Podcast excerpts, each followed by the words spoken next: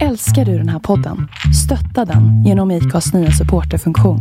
Det är helt upp till dig hur mycket du vill bidra med och det finns ingen bindningstid. Klicka på länken i poddbeskrivningen för att visa din uppskattning och stötta podden. Hej, jag heter Ryan Reynolds. På Midmobile vill vi like to do opposite of vad Big Wireless gör. De laddar dig mycket we charge you a little. So naturally, when they announced they'd be raising their prices due to inflation, we decided to deflate our prices due to not hating you.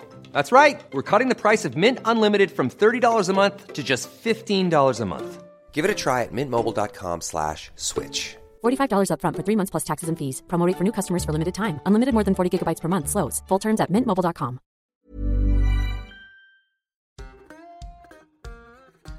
Du känns inte så jävla lättkränkt. Nej, nej, Eh, nej, det är helt, nej. helt lugnt.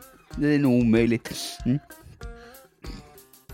Jag vet att jag har lovat att det ska bli mer sport i podden, men det här jävla valet drar ju ut på sig. Så nu blir det lite mer politik igen. Och med mig har jag vad jag skulle klassificera som en intersektionell jävla mardröm ifall man befinner sig på vänstersidan. eh, han heter Jesper Sandström, men hans Twitter-handle är CP-Jesper. Och eh, är inte det lite funkofobiskt, Jesper? Det är det säkert om du frågar vissa, men, men nu är jag ju född med en CP-skada, så det är som det är. Eh, och det är det jag försöker avspegla. Ja, jag tycker, det, jag tycker du är rolig och jag är lite smått starstruck när jag har någon som jag har lyssnat på så mycket som jag får ställa frågor till. Så om jag s- slutar ställa frågor så är det bara för att jag tror att jag lyssnar på podd Mm. och zonar ut lite. Ja. Men du, Jesper Ja. Sandström, ni har säkert sett han eh, på YouTube eller eh, sett någonting han har skrivit eller lyssnat på en podd som han producerar. Men vi backar tillbaks till någonstans i slutet av 80-talet om jag inte är felinformerad. För då föddes Sandström, Det- Jesper. Det är helt riktigt. Eh, 1989 i, i Gällivare, där han faktiskt sitter just nu i sitt gamla eh, pojkrum. Så att jag är back at the crime scene, så att säga. Mm. Och hur tar man sig då från Gällivare till ja, där du är idag? Vi ska, vi ska analysera lite var du är idag, men så här, börja med resan från, från födseln. Oj, det, det, är en, det är en lång eh, resa, men, men som sagt, då får vi väl börja med just det att, att jag föddes eh, som CP eh, två månader för tidigt och eh, kunde inte riktigt andas ordentligt vid födseln så jag åkte på en hjärnskada eh, och, och var- var, liten och, och, och fysiskt eh, oförmögen och sådär. Och eh, fick väl i den rollen ganska snabbt möta den här klapp på huvudet-attityden som, som väl samhället har en tendens att, att rikta mot eh, eh, folk som upplevs som svagare och mer utsatta, vare sig de är CPN eller invandrare eller tillhör någon annan eh, minoritet. Och det är, väl, det är väl lite grann en förklaring till varför jag har blivit som jag har blivit. Och, Pratar vi om de låga förväntningarnas funkofobi nu? Exakt ja, det var ett intressant begrepp. För att, för att det, är ju det är ju samma princip för, för invandrare som för, för CPN och andra funktionsvarierade, eller vilket ord man nu ska använda nu för tiden. Att, att det- ja, ja vi, vi förväntas inte bli så mycket helt enkelt. Först, första gången jag gick till Arbetsförmedlingen som nybakad student så fick jag en lång föreläsning om vad jag kunde göra för att slippa jobba. Liksom. Så att, eh, det, nej, det, det är lite märkligt. Nej, men, men så det, det, det var väl den allra första början, att, att jag blev CP med allt vad det innebär. Men så växte jag ju också upp i en, en väldigt kompakt eh, röd miljö. Det, det var ju väldigt stark eh, dominans för, för Socialdemokraterna och partier längre till vänster om dem. Och det har väl också färgat mig på alla möjliga sätt och säkert bidragit till att jag är som jag är. Ehm, Ja, och hur är du då? ja, hur är jag? Hur, det, det, det, är väl, det är väl upp till... Hur, hur uppfattar du mig? Du som har lyssnat på mig i poddar och läst mig och sett mig på YouTube. Hur skulle du beskriva mig? Jag skulle säga att du är en av få seriösa satiriker eh, med någon slags verkshöjd på högkanten. Jaha, oj. Jo men, jo men så är det. Så är det kanske och, och eh, det säger väl eh, nå någonting kanske om hur jag är. Därför att många, många som hamnar in i, i politiken, eh, de drivs väl av, av något slags storslagna visioner för hur de vill att samhället ska bli eller sådär. Men, men för mig var det väl mest så att eh, ja, men jag, jag växte upp då i en väldigt röd miljö där liksom normen, normen var att sossarna var roten till allt gott. Utan dem så hade i, i, i princip inget gott kommit i, i det svenska samhället och, och högern var ond. Och, och det här tyckte jag var en rätt märklig bild som inte riktigt stämde med verkligheten. Och så ville jag på något sätt peka på vad jag såg som dumt och, och då tyckte jag väl att det, det mest effektiva sättet att göra det, det som kan få folk att komma ihåg och fundera på vad du säger, ä, även om de kanske absolut inte håller med dig från början, det är om du lyckas vara åtminstone lite rolig när du mm. säger eller gör vad du gör. Så det, det förklarar väl kanske din syn på mig. Ja, för du är ju ganska rolig och raljant. Du har, är, har ju inga liksom, problem att eh, inte bara trycka in fingret i ett sår, utan veva runt ganska rejält där inne. Och liksom den här förmågan att ligga kvar i det obekväma och låta saker liksom rub it in på något sätt. Men, men jag försöker ändå göra det på, med en vänlig röst på något vis. Jag, är väldigt, jag, jag, jag känner inte att jag roastar folk så mycket, liksom, utan, utan, utan, utan mest att vi liksom skra, jag skrattar lite åt dem, men förhoppningsvis också med dem. Mm. Jag, tror. jag tror att det är dialektalt också. Uh, ja. Alltså du har, en, du har en lugn talmelodi och det där norrländska, eh, liksom pålitliga. Eh, jag tror att eh, hade en skåning sagt samma saker som du gör så hade det gjort ännu ondare och kunnat avfärdas som eh, ja. något, något, något elakt. Jaha, jag, jag, jag, kanske tror att jag är trevligare än jag är på grund av min egen dialekt. Det vore ju intressant eh, föremål för en avhandling. Um, nej, nej, men så att eh, jag, jag landade i att jag, jag ville liksom påverka politik och belysa politiska händelser och, och jag känner ofta ett, ett behov av att vara rolig när jag gör det. Dels för att det funkar, men, men kanske också för att jag väldigt mycket vill, vill ha roligt. Alltså det är så mycket elände i världen och, och, och vi ska ju ändå alla dö någon gång ganska snart, så då tycker jag att det är ganska viktigt att försöka ha så roligt och glädjas så mycket eh, man kan fram tills dess. Ja, jag, för, jag förstår vad du menar. Men varför tror du att det är så... Alltså din approach mot det har i varje fall varit väldigt eh, sällsynt på den liberala, liberalkonservativa, vad vi nu ska kalla det.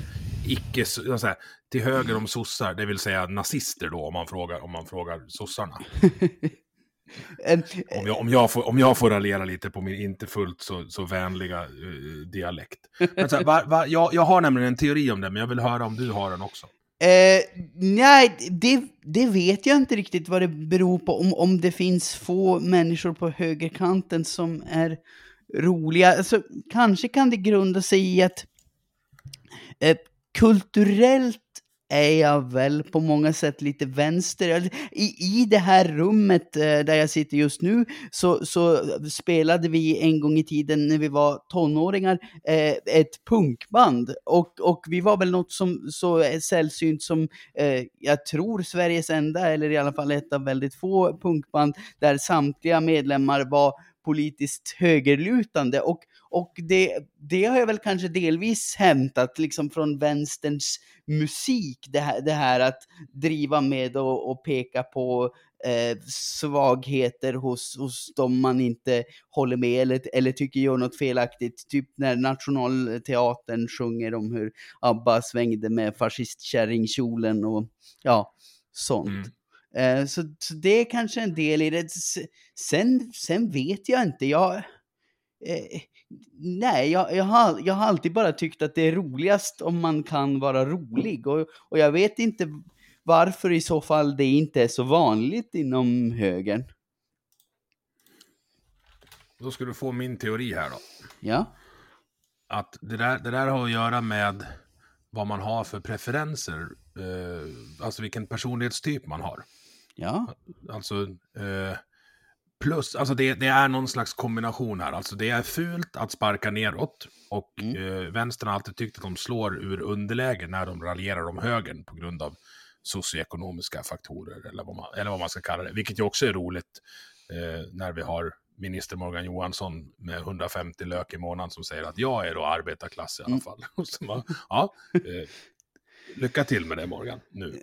Eh, samtidigt har, har liksom eh, så här, högerns talanger har fullt upp med att plugga och starta företag. De går inte i teatergrupperna. Mm, Eh. Samtidigt som du har portvakter då eh, som har tagit sig igenom teatergrupperna och kommit upp på... Nu är, finns det ny teknik och så, men när det var TV1 och TV2 och eh, Sveriges Radio, då Mm. kunde inte folk komma in. Nej. Eh, och nu, det vi ser nu är att ja, men, eh, sossarna har tappat arbetarklassen och den kulturen som frodas i de lägren nu sparkar åt alla håll. Mm. Upp och ner och höger och vänster. Och det är en ny Brave New World som är svårhanterat för de som sitter fast i de gamla mönstren. Det är min, min teori i alla fall. Ja, så, så kan det mycket väl vara. Och det kanske förklarar en del, därför att jag, på något vis, i, i och med att jag växte upp i eh, Gällivare, där, där jag, när jag gick med i MUF så var jag ensam muffare i stan. Liksom. Så att det, det, och, och, och här var det liksom den, den politiska adeln, de som, de som fick maktpositioner i arv och sådär och gick med i partiet för att deras föräldrar hade varit med och, och, och var liksom den självklara maktfaktorn. Det var ju sossarna. Så att jag, jag, jag upplevde väl på, alltså det, det fanns inget mer punk än att vara just muffare i Gällivare. Det hade inte varit punk alls att gå med i Ung Vänster. Nej. Och just, just det, det är ju skicklig kommunikation att med, när man haft makten i 80 av 100 år, fortfarande eh, betrakta sig som något annat än adel, eller i varje fall saluföra sig själv som det. Ja, och, och gå ut eh, varje första maj och demonstrera mot sig själv liksom. Ja. Ja, det är, det är roligt på riktigt. Det finns ingenting mer satiriskt än, än det. Nej, nej verkligen inte. Alltså, Ehm, de här fyra åren kommer det bli bra. Vi lovar. Allt till alla. mm, precis, nej det är. Du, eh, när jag researchade dig lite och kollade på, på de, de, många av de klippen du gör för, för Timbro, Mm. så beskrev du dig själv som radikal liberal. Ja. Eh, Utveckla. Ja men alltså på, på så vis att jag, jag vill väl att, alltså, i, min, i min idealvärld så ska eh, enskilda människor kunna ha så stora friheter som det bara är möjligt utan naturligtvis att inkräkta på andras rätt till motsvarande frihet. Mm, alltså icke-aggressionsprincipen. Ja, ja, ja, precis. Man, man, ska, man ska inte i onödan någonsin utsätta någon för tvång. In, inte bara för att det är liksom moraliskt fel att tvinga folk till saker, utan, utan jag tror också att vi på sikt får ett mycket bättre samhälle om det organiseras som en konsekvens av medvetna och frivilliga val snarare än att folk tvingas till en det ena än det andra. Vad är statens roll i det där samhället då? Ja, den, den är ju att, att just upprätthålla den här friheten från tvång. Därför att naturligtvis så kommer det ju alltid finnas människor som, som inte vill eh, låta andra leva i frihet och, och utsätter dem för kriminalitet och, och våld. Och, och, och, och där är ju statens roll då att, att ingripa och se till att de, de liberala fri och rättigheterna kan fortsätta eh, existera. Mm. Eh, jag hävdar ju att vill man ha det samhället du beskriver så finns det inget parti att rösta på av de som är i riksdagen nu. Nej, det gör det ju inte. Och, och som jag också ofta säger i mina videos så är jag ju väldigt mycket mer liberal eh, än hela riksdagen, tror jag. Eller det, nej, det vet jag. Så hur tar vi oss dit om det inte finns någon att rösta på? Nej men alltså, jag, jag, jag tror inte att det, och, och jag är inte säker på om, om, det, om vi någonsin kommer få det ultraliberala samhälle jag drömmer om. Därför att jag, jag förstår att mina preferenser skiljer sig väldigt mycket från de flesta andras. Jag, jag, jag tror att eh, många andra människor kan tycka att ja, men det, den här sortens hyfsat liberala socialdemokrati där, där man ändå förlitar sig på att staten och det offentliga ska ta hand om väldigt mycket. Ja, men det är kanske det eh, de allra flesta i grunden vill ha och då är det det vi får leva med eh, i en demokrati. Men, men jag tror också att i takt med att världen blir rikare så, så att liksom eh, golvet höjs hela tiden så att även de som har det sämst om några hundra år eller om bara 100 år för den del, kommer ju, kommer ju ha det mycket bättre än vi kanske ens kan föreställa oss idag. Och då blir det kanske lättare att våga experimentera med samhällsformer som bygger på fri, frivillighet och inte förlitar sig på att staten ska ingripa i varje stund. Problemet är att de som, eh, när man, när man, jag håller ju med dig i mångt och mycket. Eh, grejen är att de som inte, de som är först med att liksom vilja hoppa på mindre stat, mer frihet, mer, lägre skatt, mer pengar kvar. Eh, det är ju de som klarar av, eller förstår du, som har förutsättningarna. Mm. Det är väldigt sällan jag pratar socioekonomiska faktorer, men för, förstår du vad jag menar? Alltså, mm, och mm. Vi, vi avfärdas ganska ofta som att vi är egoister. Ja. Svenskar har, har svårt att förstå skillnaden mellan egoism och individualism. Ja, e-, exakt. Därför att jag menar, det är ju naturligtvis inte så att, att jag vill ha den, den här friheten från, från, från tvång och liksom friheten från högt skatteuttag för att jag inte bryr mig om utsatta människor. Jag menar, herregud, jag, jag, jag, är, jag är själv på många sätt en, en utsatt människa. Jag har fått oerhörda mängder hjälp av, av det offentliga. Min, min rullstol som jag liksom är beroende av för att, för att ta mig fram i mitt dagliga liv, den, den är ju också liksom bekostad av skattebetalarna. Och nu, nu kan man ju invända att i ett liberalt samhälle hade det naturligtvis funnits en marknad för det och, och välgörenhetsstiftelser som hade bekostat rullstolar för de som inte själva hade råd och gud vet allt. Men, men, men det handlar ju verkligen inte om egoism. Eh, det handlar inte om att jag inte vill dela med mig, för, för det vill jag gärna. Och, och, kunde jag vara säkrare på att min skatt gick till de som verkligen behövde den och in, inte liksom slösades bort på politiska projekt som är ren kapitalförstöring, ja då hade jag också varit mycket gladare att betala den. Men, men det handlar inte om en egoism utan det handlar om att jag tror att samhället faktiskt skulle kunna bli mycket bättre om, om det också var friare. Ja, det, det tror ju jag med.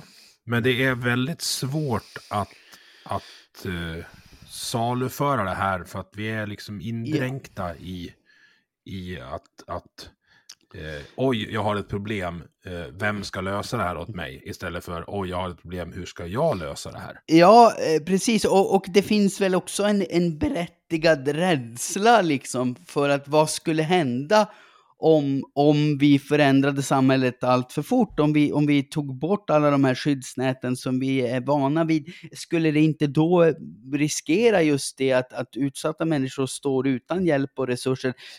Jo, det är förmodligen en helt legitim rädsla och det är därför jag tror att ett sånt här samhälle har nog förutsättning att bli verklighet först när vi är långt mycket rikare. Så, så att golvet för de som har det allra sämst är mycket, mycket högre än idag. Mm.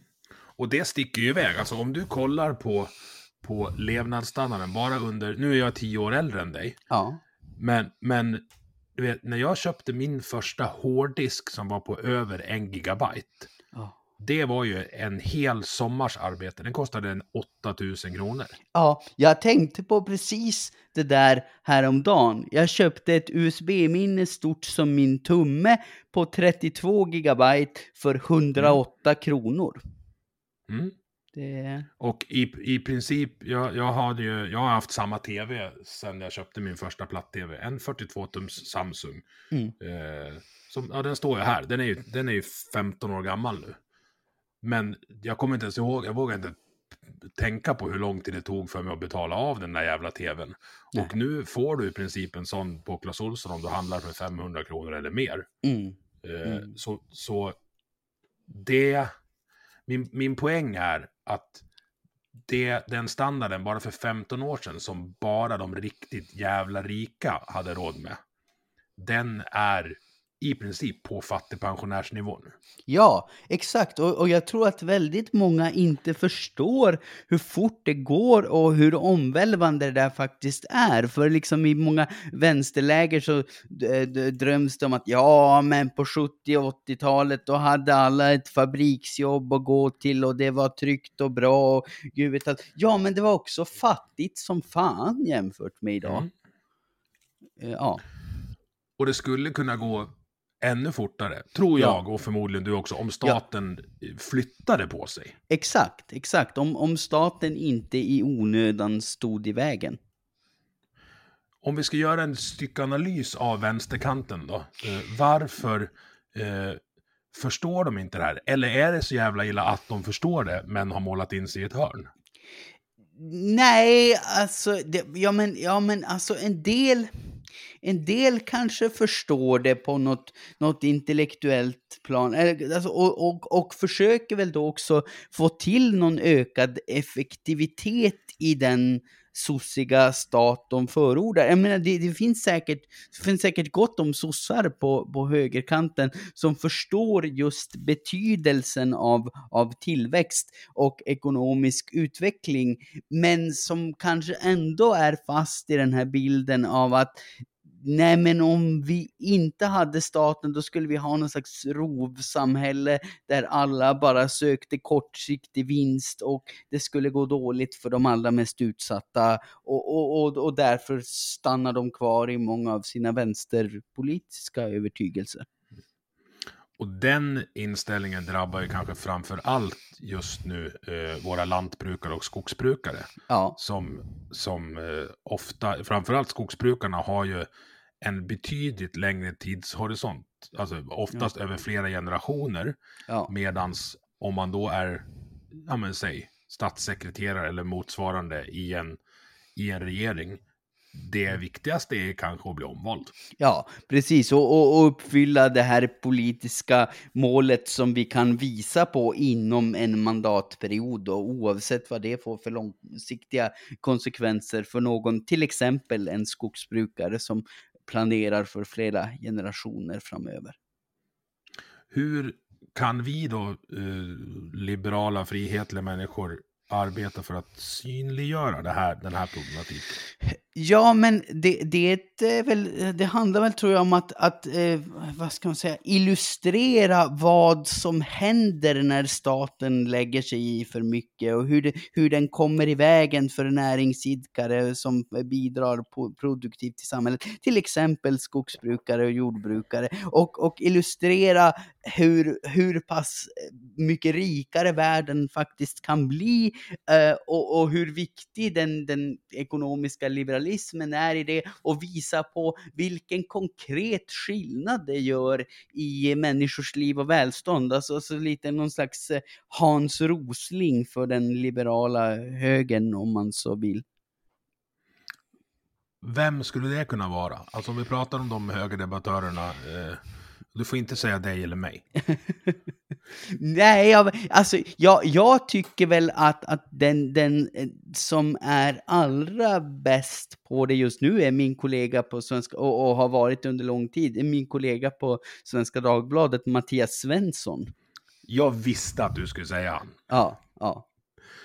Eh, ja, han är, alltså, han är jättebra, men hur ökar vi hans reach? Alltså, förstår, hur, hur får vi in han i, i pojkrum och flickrum, tänker jag?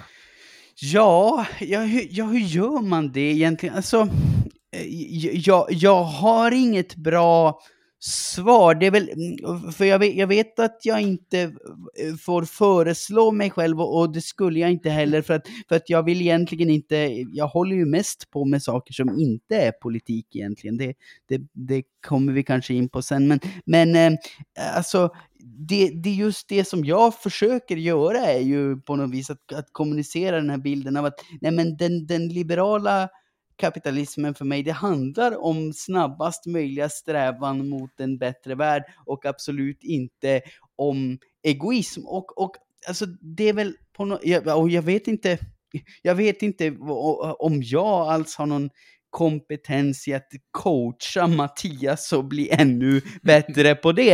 Eh, men, men jag tror att det handlar om just det att, för, för vänstern har lyckats fånga många, kanske framförallt ungdomars hjärtan och hjärnor med just det här romantiska löftet om en, en bättre värld. Och det är ju precis det jag ser i den liberala kapitalismen. Alltså, det, det handlar inte om, om någon egoistisk strävan för att jag själv ska få ha så mycket pengar som möjligt. Tvärtom, jag, jag har alltid prioriterat att ha roligt och, och liksom, mm. uh, ja, ja, göra det jag verkligen älskar snarare fram, äh, än att tjäna så mycket pengar som möjligt. Men men, men jag ser verkligen i den liberala kapitalismen det, det, här löftet om en bättre värld som annars kanske har varit eh, vänsterns grej och högern har mest liksom lite knastertorrt pratat om att ja men det är trevligt med ökad tillväxt vet du.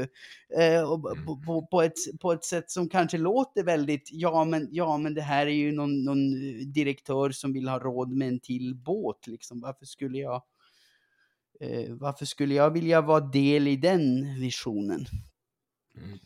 Den bilden är ju, är ju tydlig. Eh, problemet, som, alltså, en av problembilderna i det här är ju att om den där direktören ska köpa en ny båt så är det ju, den byggs ju av de som vänstern säger sig företräda. Alltså ja, varvsarbetare visst. är väl ja, så visst. mycket sosse du kan bli. Ja, ja visst, alltså, alltså det, är ju inte, det är ju inte problematiskt för världen om, om en svinrik eh, direktör får köpa en till båt. Det kan, det kan säkert vara, vara bra för många av dem som, som vänstern säger sig företräda. Men, men om man tror att det är högerns eh, pol huvudsakliga politiska mål. Liksom. För, att, för att vänstern bankar ju gärna in den bilden att nej, men de vill bara att de rika ska bli ännu rikare. De, de bryr sig mm. bara om miljonärerna. Och jag menar, det där var ju väldigt roligt när, när jag var med i, i skoldebatter här uppe i Norrbotten. Liksom, sossen som dök upp, det var någon välkammad typ i kavaj och själv var jag liksom skäggig punkare, håret stod åt alla håll och jag hade någon skitig reklamjacka från ett byggföretag företag. Och så skulle den stackars sossen försöka sälja in bilden av att jag var överklassen och han var där för att bekämpa överklassen. Och ja, det gick ju förstås inte jättebra. Nej, det är det jag säger. Du är en intersektionell eh, mardröm. Mm. Ja, det är en, en, en roll jag trivs i i så fall. Um, kan man koka ner det så här till vänsterns budskap är att vi kommer ta hand om dig och högerns budskap är att vi tror att du kan ta hand om dig själv? Ja, och eh, ja men alltså kanske inte bara det, för att för då hamnar vi igen in på det här att var, var och en ska, ska klara eh, sig själv och liksom, ja men det är bara att du, att du drar dig upp med dina egna stövelskosnören om du ramlar omkull. Så, så kanske inte att eh, vänstern säger vi kan ta hand om dig, eh, utan eh, och, och, och högern säger att du kan ta hand om dig själv, utan eh, högerns, alltså mi, mitt ideal är väl kanske att eh, högerns budskap skulle vara ja, no, lite mindre nerkokt, alltså typ att om vi inte bara fokuserar på omhändertagande, om vi fokuserar på att folk så långt det är möjligt ska kunna ta hand om sig själv, då blir vi också bättre på att hjälpa till och ta hand om varandra när det behövs. Mm. För, för, att jag, för att jag vill inte att den här solidariska dimensionen försvinner. Jag är övertygad om att den kan och måste existera och kan vara ännu starkare i en framgångsrik liberal kapitalistisk eh, samhällsbyggnad. där man inte tvångsansluter folk, utan man får välja sina egna eh, kollektiv att gå med i. Ja, precis. Du, eh, vi pratar om ungdomar och att vänstern eh, tilltalar dem. Det verkar Mm. ju ha svängt lite grann eh, i det här valet, vilket har rapporterats eh, med eh, illa dold skräck i, i vissa kanaler. Att Ja. ungdomarna röstar höger. Generation, det var, jag vet inte om det var du som skrev det eller vem det nu var, men generation, generation Greta vart generation EPA istället. Det, det, var, det, det var inte jag. Den hade jag gärna skrivit, men det var inte jag. Ja, det är fullkomligt genialiskt. För, för det är verkligen så. Mm, mm. Det, det, det svänger eh, till höger och analysen som jag har sett är att det är TikToks fel. Eh, det, kan, inte- det kan inte vara så att folk tycker om olika partiers politik, utan det är, eh, det är någonting med internet. Högern, högern har varit bättre på internet och därför vann. Alltså den, me, den mer seriösa analysen jag har sett, det är väl det. Eh, för att jag menar, eh, eh hö, eh, ungdomar har väl i ganska stor utsträckning också gått mot en mer auktoritär höger, alltså typ SD. Och a- att, det, att det då skulle grunda sig i att de upplever en ökad otrygghet. Eh, på, på grund av mer brottslighet, mer utsatthet för rån och så vidare. Och, och vill freda sig mot det. Ja, det, det tror jag det är. Men kan vi snälla sluta säga att SD är höger någon jävla gång? Ja, nej, precis. Alltså, det, det, det, det, där de, för att de, de är, som, som jag också säger eh, i många av mina videos och som jag pratar om i min nästa video som kommer imorgon. Nej, de, de är ju sossar i, i många frågor. Eh, det- det- som, som jag många gånger har beskrivit dem, sossar som tycker sämre om, om invandring. Och, och i vissa eh, Eh, tråkiga fall eh, också sämre om invandrare som sådana. Eh, och de, de föreslår väldigt mycket sossig, ekono, eh, sossig ekonomisk politik, alltså bibehållna bidragsnivåer. Eh, förhoppningsvis har de blivit lite mindre protektionistiska och, och har bättre förståelse för nyttan av handel och sådär. Det, det är i alla fall vad deras ekonomisk-politiske talesperson gav sken av när han intervjuade nämndes i Svenska Dagbladets podd. Ehm, men, men ja, nej, de, de, de är ju absolut inget eh, eh, traditionellt högerparti, men, men jag tänker ändå att många, många av de ungdomar som har rört sig i den riktningen, det är kanske ungdomar som hade kunna tänka sig att rösta på Moderaterna, men, men upplever att, att SD är ännu hårdare, ännu mer resoluta i de här trygghetsfrågorna där de vill se action. Plus att de är, det är lite punkigt också.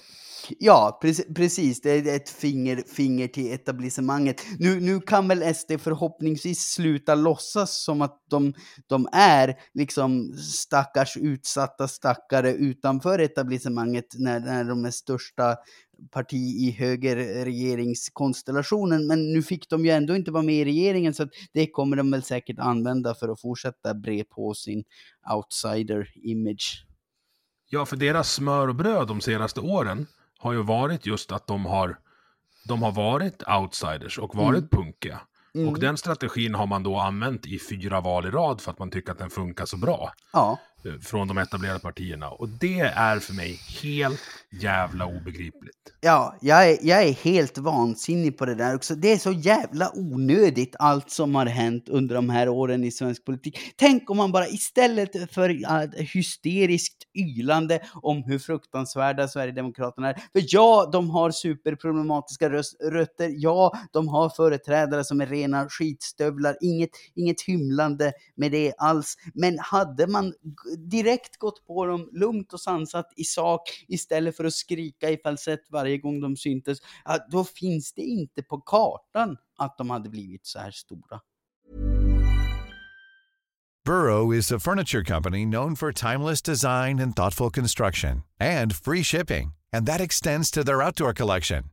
Their outdoor furniture is built to withstand the elements, featuring rust-proof stainless steel hardware, weather-ready teak, and quick-dry foam cushions. For Memorial Day, get 15% off your Burrow purchase at burrow.com slash ACAST and up to 25% off outdoor. That's up to 25% off outdoor furniture at burrow.com slash ACAST.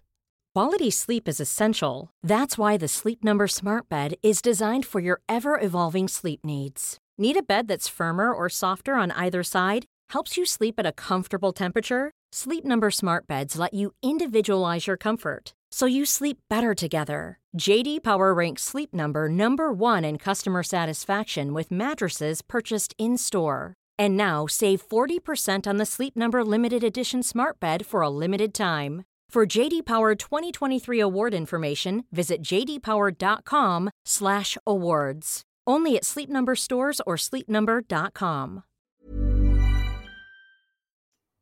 Jag, jag tror till och med att de kunde ha blivit ny, ny demokrati. Att Ja. de, om, om man hade tagit in dem, om alliansen hade försökt sett vuxet på det Ja. och tagit in dem och behandlat dem lite som Socialdemokraterna har behandlat Vänsterpartiet genom alla år. Ja.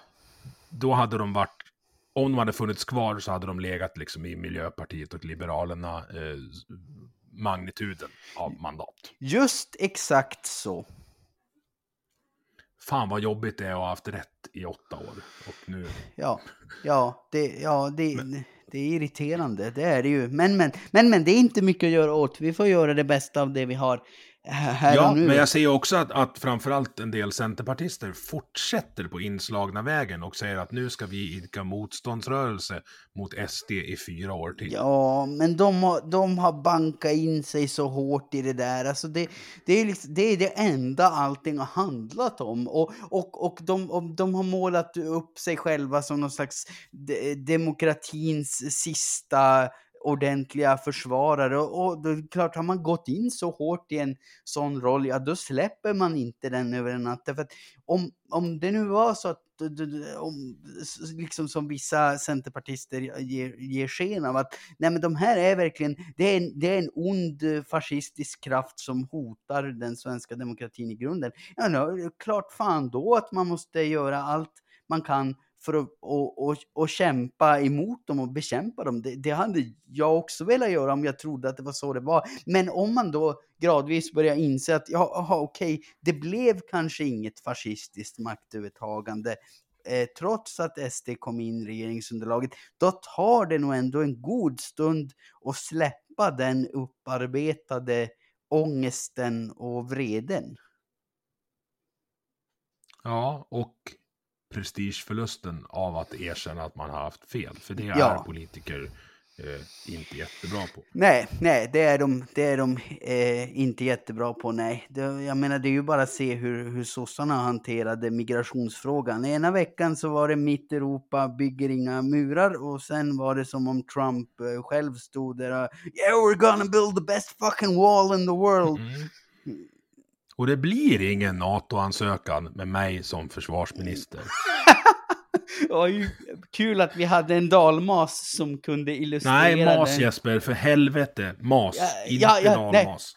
Ja, nej, förlåt, förlåt. Jag, jag, Jag är ju stolt ägare av det heter mas.se där allting förklaras i frågan.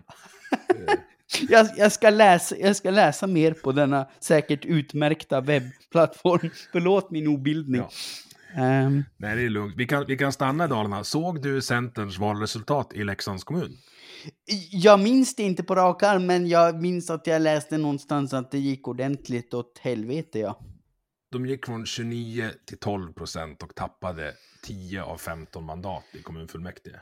Oj, hej och hå. Eh, Ja, det är, det är bisarrt och det är en av, eh, en av de få kommunerna som haft samma eh, kommunalrådsparti sedan kommunsammanslagningen på 70-talet. Så det, det är mm, ett enormt tapp. Och nu har ju eh, Bred på Svenska nyhetsbyrån utsett vårat för avgående kommunalråd Ulrika Liljeberg till partiledarkandidat för Centern. Eh, Ulrika som är med i avsnitt ett av Vi måste prata, där hon säger en del intressanta saker eh, om man nu skulle vara intresserad av att se vad hon sa innan hon gick från kommun till riksdag. Ja. Det kan du titta på sen, du behöver inte kolla på det, inte göra research nu på uppstuds. Men Nej. jag vill stanna kvar vid Centern. Mm. Finns det i Jespers syn någon väg tillbaka till borgerligheten för borgerligheten och landsbygden? För man har ju tappat kontaktytorna med bägge de entiteterna under de senaste åtta åren. Ja, alltså jag vet inte det. Det finns väl säkert människor inom partiet som, som liksom skulle vilja gå tillbaka till det Centern en gång var. Någon, någon slags parti för, ja men ett, ett liberalt sinnat parti som, som fokuserar på det här som väl kanske har, har kommit att kallas banjohöger. Alltså, alltså folk på landsbygden som månar starkt om, om individuell frihet. Men, men jag, jag, jag ser ingen tydlig väg för hur det skulle gå till, just för att man, man har investerat sig så himla hårt i det här att locka storstadsväljare med att profilera sig som några som förvisso inte är tråkiga sossar, men väldigt mycket emot SD. Eh, mm. och, och, i det så har man liksom tappat all sin andra substans. Och, och, det är möjligt då att man kanske kan få någon ny Eh, partiledare som säger att nej, nu gör vi helt om, nu ska vi locka tillbaka de här väljarna, nu ska vi fokusera på, på våra gamla goda värderingar och inte ha SD Tourettes eh, stup i, i kvarten. Eh, och, och, och då är det väl mycket möjligt att man, man kommer tillbaka. Men det är en lång väg, det är det du säger? Ja, ja det är en, en lång väg för att man, man har, det, det är så många inom partiet som har, har investerat sig så tungt i, i den här liksom, totala fokuset på SD och storstadsväljare. Men, men samtidigt så kan man ju nu också se att nej, men det gick ju inget bra och därför kanske en, en förändring av partiet kan, kan gå ganska fort också. Jag vet verkligen inte. Ett embryo till detta finns i Orsa, ja. eh, 7-8 mil norr om mig, där eh, kommuncentern har brutit sig ur partiet och startat Orsa-centern, men med samma bemanning. Aha, det var ju intressant. Väldigt intressant. Anna Gullberg på Expressen har varit där och gjort ett fantastiskt reportage i vanlig ordning. Eh, mm. jag, ska, jag försöker jaga de här som, som är drivande där, men mm. är man intresserad av vad som skulle kunna vara Centerns eh, framtid så tror jag att man kan leta vid, vid Orsasjöns strand, där det för övrigt är helt otroligt vackert. Ja, ja det, det eh. låter onekligen intressant. Det får jag också titta närmare på. Men nu ja. vann Kristerssons eh, sida i politiken, om vi ska kalla det det, när vi har konstaterat att de kanske inte är så höger, eh, mm. en del av dem. Och eh, naturligtvis också att Liberalerna är ju inte liberala. För nej, nej, precis. Vad tyckte du om regeringsförklaringen som han körde i riksdagen? Jo, men jag, jag tycker ändå att den var bra. Jag, jag tycker att den, eh, liksom, den kändes resonerande. Det kändes som en kille som har i, i samklang med andra har tagit sig en seriös funderare på vilka problem vi faktiskt har och vad som konkret behöver göras för att, för att åtgärda dem. Det, alltså, för det, det har ofta stört mig, dels under föregående S-regeringar, men, men i någon mån också under alliansregeringarna, att det var väldigt mycket prat om hur saker skulle bli, men, men desto mindre prat om liksom vägen dit, vad som, vad som måste inträffa och vilka avvägningar som måste göras för att man ska nå sina mål. Och, och därför blev det ju mest mos av alltihop, liksom sossarnas löfte om lägsta arbetslöshet i EU till 2020 till exempel, det gick pre precis tvärtom. Ja, och jag upplevde att Kristersson var, var bättre i det avseendet, att han gav en, en tydligare bild av hur vi rent konkret, rent praktiskt ska röra oss till det bättre Sverige han ser framför sig. Mm. Han var också först, tror jag, av de, de eh, regeringsförklaringarna jag kommer ihåg med att säga att det här kommer ta mer än fyra år. Alltså ja. våga öppna på locket till att vi behöver lång... Alltså man har pratat långsiktiga överenskommelser, det gillar ju folk att prata om. Mm. Men just, jag skrev faktiskt det i en text på skribentskolan här om månaden, tror jag det var, eh, att eh, om man är tydlig med det så kommer och släpper att omval är en prioritering så jag bedömer att chansen är stor att omvalet kommer som en bieffekt av att man är tydlig med vad man gör, hur lång tid det kommer ta och varför man gör det. Ja, ja, för att, för att det är precis det jag har efter. Jag, jag började väl skriva mina första ledare 2016 och, och liksom, är det någonting jag har återkommit till i alla mina texter så är det det här att eh, alltså, och det gäller allt från migrationspolitik till energipolitik till pandemihantering, att Ja, men när ni gör en omläggning, om, om ni kan förklara i detalj varför ni gör den omläggningen, vad eh, som har fått er att omvärdera och vad, vad det långsiktiga målet med den här omläggningen är, hur i praktiken era politiska mål ska uppfyllas, ja men då kommer folk ha förtroende för det och, och, och liksom ge er förtroende att, att fullfölja omläggningen och, och, och vara en aktiv del i det i den mån de kan. Men om ni inte kan förklara det, om ni bara vänder på klacken från en dag till en annan och säger att ja men det, nej, det vi tyckte var rasism i förra veckan, det tycker vi nu är alldeles utmärkt politik. Ja men då kommer folk av, av eh, fullständigt uppenbara skäl tycka att ni är idioter. Mm. Man kan ju också då eh, dela upp det i delmål. Att man säger att men så här, på 12 år, så, om vi tar kärnkraft till exempel, det kommer ta tid att bygga ny kärnkraft. Mm. Eh, det, det, blir ett väldigt eh, tydligt alltså, sätt att benchmarka. Så här, vi vill ha ny kärnkraft på plats. Det kommer ta mellan 10 och 15 år.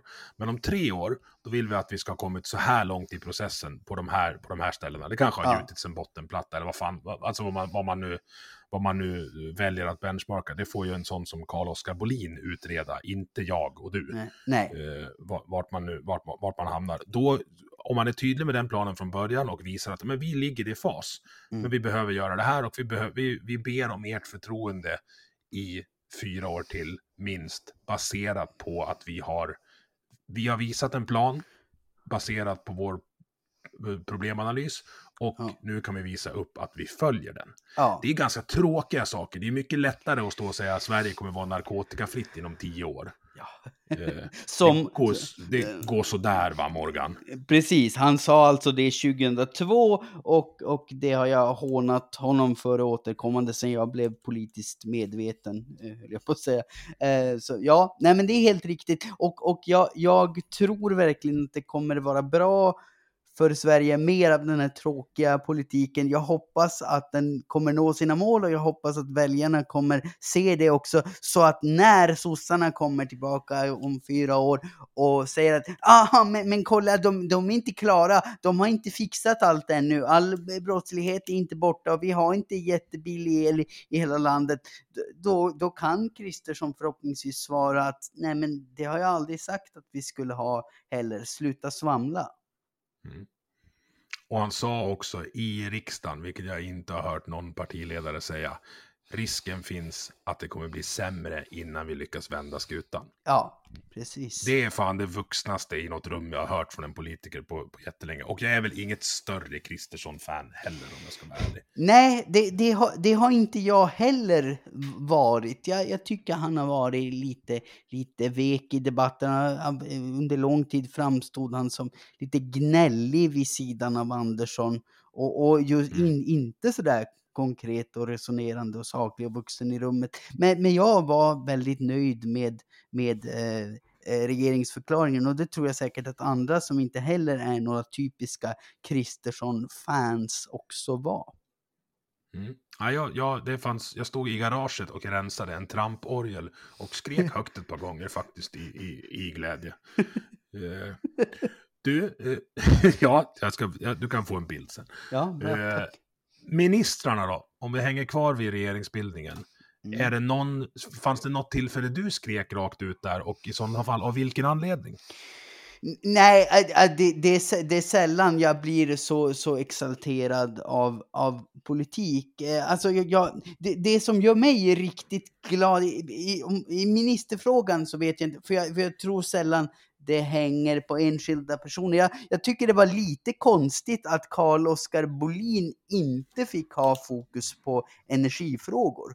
För att han, han, har, varit, han har varit så, så bra och pedagogisk eh, i, i det ärendet på ett sätt som saknar motstycke i svensk politik. Mm. Så det, det, är väl det enda jag, jag reagerade starkt på. Annars, det jag reagerade känslomässigt starkt på, det är just det här att vi nu får en långsiktig plan för mer planerbar energi. För jag, jag tror att det är så himla viktigt för ett bättre Sverige. Det är liksom den första politiska omläggningen under min livstid som jag kan känna att jag verkligen blir glad och exalterad av.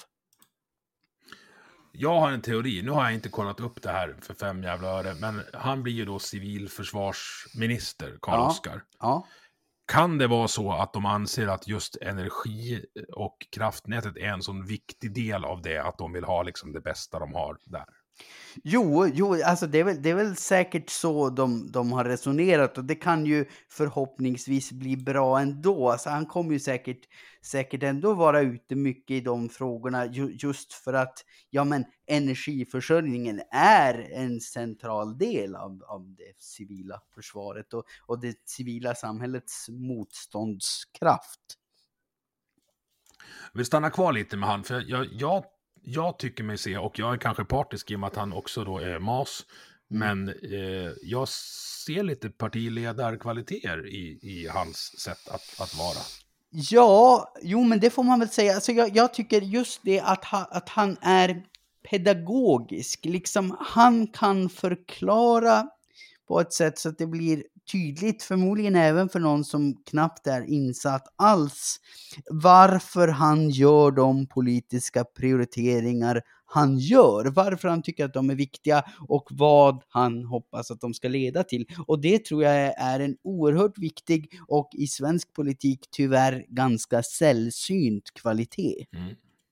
Och är det någon som vill se hans kvaliteter på att förklara energisystem för någon som inte är insatt alls så kan man googla fram debatterna mot Lorentz Tovatt och Annika Strandhäll. Ja, för, för det är helt hysteriskt liksom. Eh, eh, klasskillnaden mellan, mellan Bolin och ja, Tovatt och Strandhäll. Vilket leder mig in på nästa punkt. Hur kunde det här valet ens bli så jämnt med tanke på motståndet? Jag förstår inte det. Jag känner väl lite likadant. att Det är ju ett himla svaghetstecken att man, liksom, man står emot en regering som, som är så sopig som regeringarna Andersson och Löfven ändå har varit. Som har misslyckats med så mycket och så lyckas man ändå vinna precis på håret. Liksom. Eh, och mm. och, och det, jag, jag, tror att det ligger mycket i det lilla du sa, ett, ett kommunikativt misslyckande. Därför att jag tror att under lång tid så lyckades dels Löfven, men kanske i synnerhet Magdalena Andersson framstå som mycket mer så här landsmoderlig och, och enande och trygg när det blåser än vad Kristersson gjorde. Därför att det, det, det, var det många av mina bekanta som liksom inte alls är politiskt investerade i någonting och, och inte tydligt egentligen lutar åt något håll utan väl har både lutat både höger och vänster. De, det de pratade allra mest om var att de kände inte att Kristersson ingav förtroende. Han, han lyckades inte kommunicera liksom och, och, och, och det har inte andra moderater eller, eller högerledare heller under den här eh, perioden lyckats kommunicera att jo, men hur konkret ska Sverige med hjälp av vår politik kunna bli betydligt bättre än, än vad det är idag. Och, och det, var, det var väl det var just därför jag blev så glad över regeringsförklaringen. För jag kände att men nu, nu eh, gjorde han ju det här som som högern skulle ha behövt göra för länge, länge, länge sedan.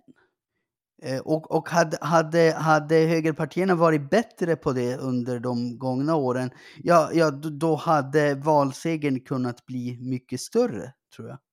Eh, I och med att jag då betecknar mig som, som banjohöger, som du uh, sa där, mm. vi har ju kommit överens om, det är ingen stor rörelse, vad kan vi vara? Fem pers plus, ja, plus minus två.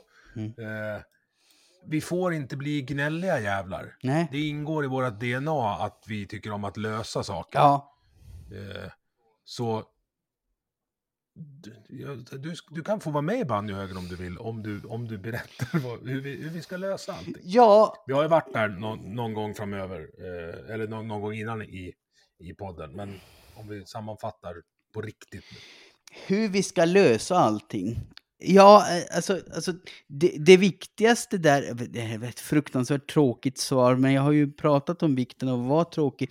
Det är just det att äh, anledningen till att det liberala öppna samhället med många konkurrerande alternativ funkar så bra, det är just det för att det är ju ingen enskild människa som vet hur vi ska lösa allting. Och det är just därför vi måste ha ett samhälle som där en massa olika aktörer tävlar om vilken lösning som är bäst och, och dessutom då eh, har goda, vad ska man säga, strukturella förutsättningar att göra det. Det är lätt att starta företag, lätt att utbilda sig och så vidare. Ehm, så att vi, vi, vi ska lösa allting genom att låta den tävlan om bästa möjliga lösning fortsätta och vi ska akta oss för de politiker som säger att nej men vi vet ju redan vad den bästa lösningen är så låt oss nu satsa mm. varenda liten skattekrona på det så blir allt bra. Därför det vet de alla det, och, och, det är så många politiker som har gjort anspråk på att veta det genom historien och sagt att men bara jag får bestämma allt då kommer allt bli så jäkla bra och de har alltid haft åt skogen fel. Det där handlar ju om självbild och ens, ens vilken tro man har på att enskilda människor kan uträtta storverk. Mm. Det finns ju enskilda människor som, kan ut, som har uträttat storverk. Ja. Det, det kan man inte säga någonting Nej, visst. Men eh, de flesta människor är tämligen felbara. Mm. Eh, vilket gör att det är, alltså det är naturligt att göra fel. Mm. Men om du då lägger extremt mycket makt på enskilda personer så inte bara drabbas väldigt många av de eventuella felen. Nej. Utan det blir även så att med extremt mycket makt uh, följer någon slags liksom Marie Antoinette-syndrom, att man hamnar långt bort från de som den stora massan som får ta konsekvenserna av ens misstag. Ja, och, och man kan fastna i den här bilden av att ja, men folk är ju inte missnöjda för att jag är fel, eh, för att jag gör fel, utan folk är ju bara missnöjda för att de, de är dummare än vad jag är och inte fattar storheten i det här jag håller på med. Ja, och jag, jag, tror att där i ligger problemet eh, med våra lösningar framöver. Att för att vi ska återföra makt över den enskildes liv så behöver någon släppa den ifrån sig. Mm. Och är det någonting man vet är att det är folk som väl har fått makt, de har en tendens att inte vilja ge tillbaka den till den de har fått från. Vi har väldigt många tillfälliga lagar som är permanenta. Ja, ja, visst, som man brukar säga, det finns inget så permanent som en tillfällig skatt.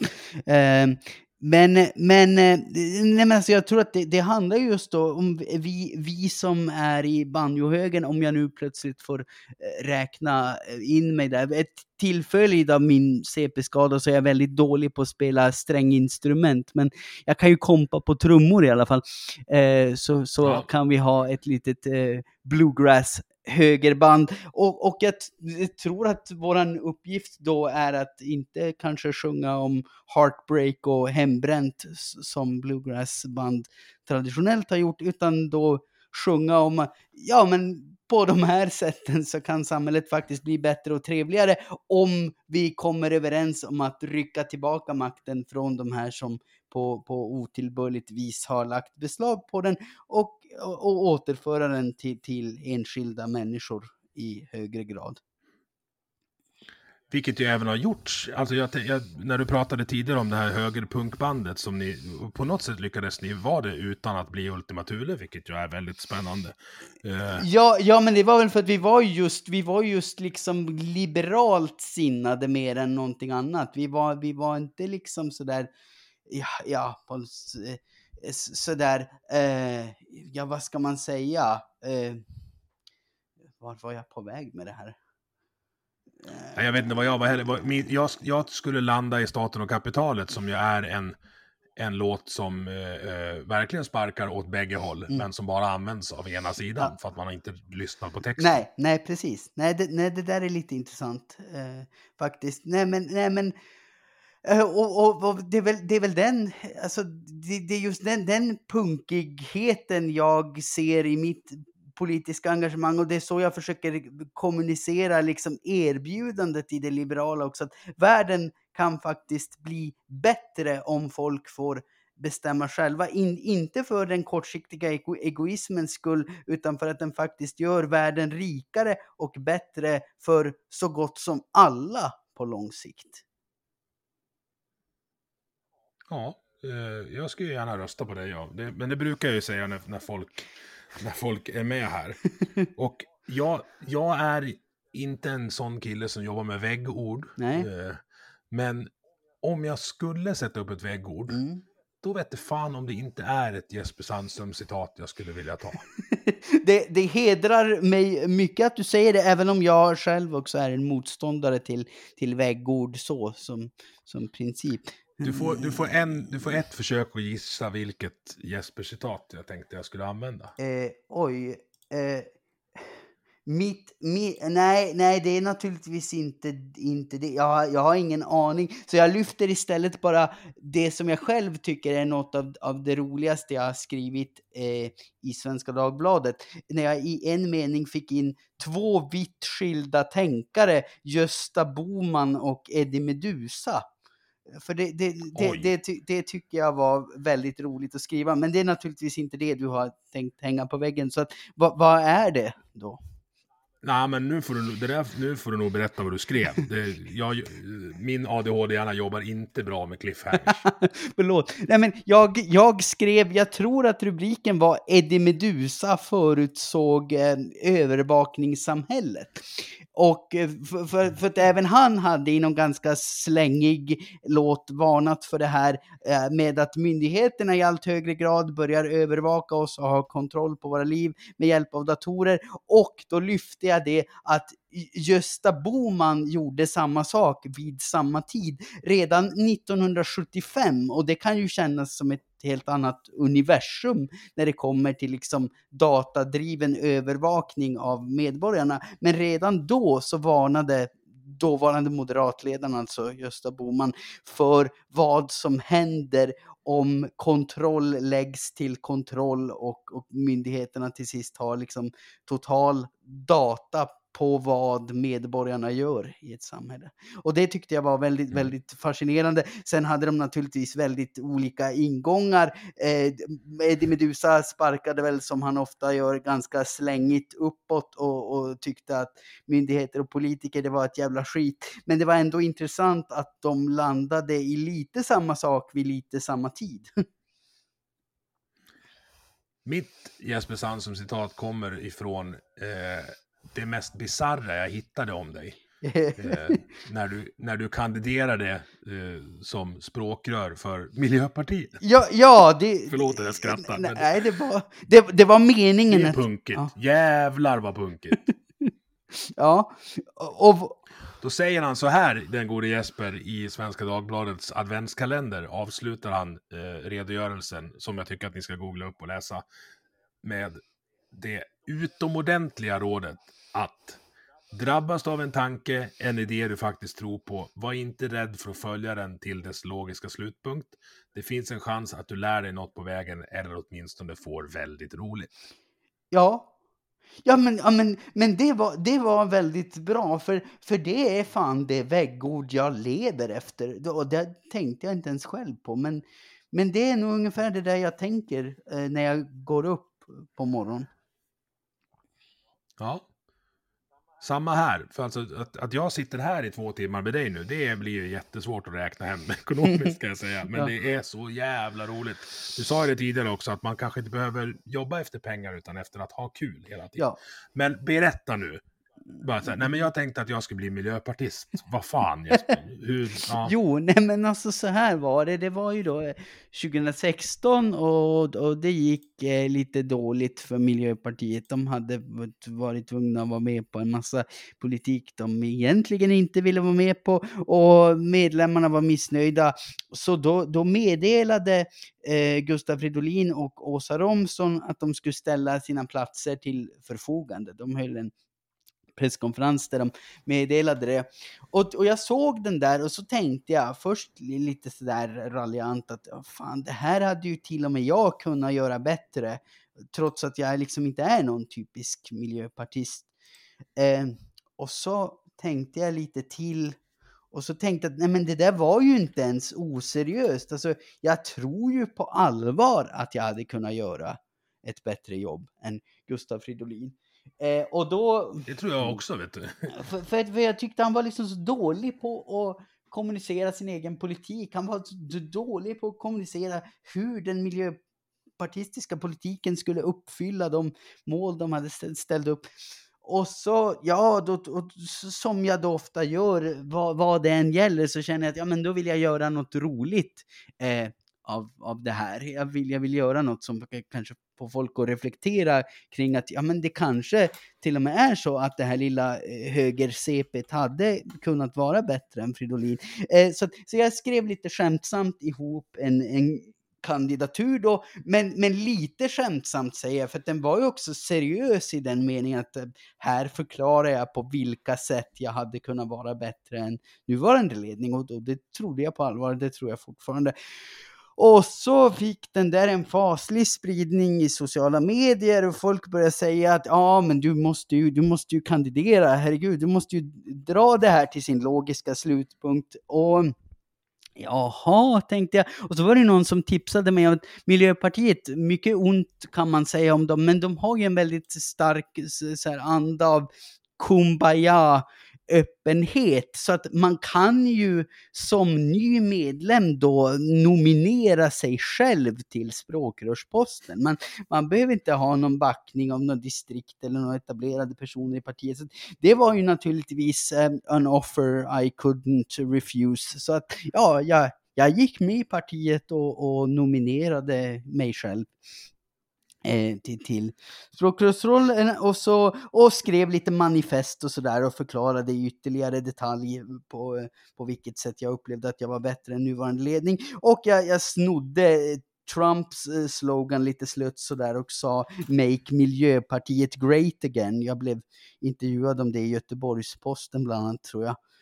Um, och, och jag, jag, vet inte om de tog mig på allvar eller om, om de tänkte att jag var något litet CP som inte insåg mina begränsningar och trodde att jag skulle kunna bli partiledare på riktigt eller vad det nu var. Men, men, nej, men så att jag, jag, jag åkte dit i alla fall och deltog på, på partiets kongress och fick då till sist när det väl kom till omröstning sex röster av partiets ombud. Och det, det beror naturligtvis inte på, på, att de liksom hade sadlat om så fort de såg mig och blivit teknikpositiva nyliberaler, utan det handlar ju helt enkelt om att det var, det var eller det, jag tror i alla fall att det var så, det var att det var sex pers som tyckte så oerhört illa om Fridolin och upplevde honom som liksom maktfullkomlig och dålig, så de eh, röstade på det här lilla CP som har kommit dit för att trolla honom, bara som ett, som ett väldigt stort långfinger till honom. Ja, det där är trollning på något slags svartbältenivå, eh, måste jag säga. Vilket, ja men det sammanfattar väl rätt bra. Alltså, jag, jag är glad att du är ute och trollar, eh, raljerar, satir, men det finns ju en klangbotten av allvar och ideologisk övertygelse som jag verkligen uppskattar. Ja, jag, jag, är glad att jag kan bidra med det och jag hoppas jag håller ångan uppe. Jag, jag, vet inte om jag kommer göra riktigt något på den nivån någonsin igen. Jag börjar ju bli gammal och trött så det vet jag inte om jag orkar. Men vi får väl se. Den, den som lever får se. Tack för att du har gästat Vi måste prata Jesper.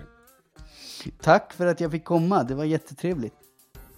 Du har lyssnat på Vi måste prata som produceras av mig, Emil Nilsson. Tycker du om det du hörde? Dela avsnittet med dina vänner och på sociala medier. Vill du stötta podden kan du göra det via Patreon där du hittar den på patreon.com snedstreck vi måste prata i ett ord. Eller så swishar du en slant till nummer 123 671 46 79. Vi hörs!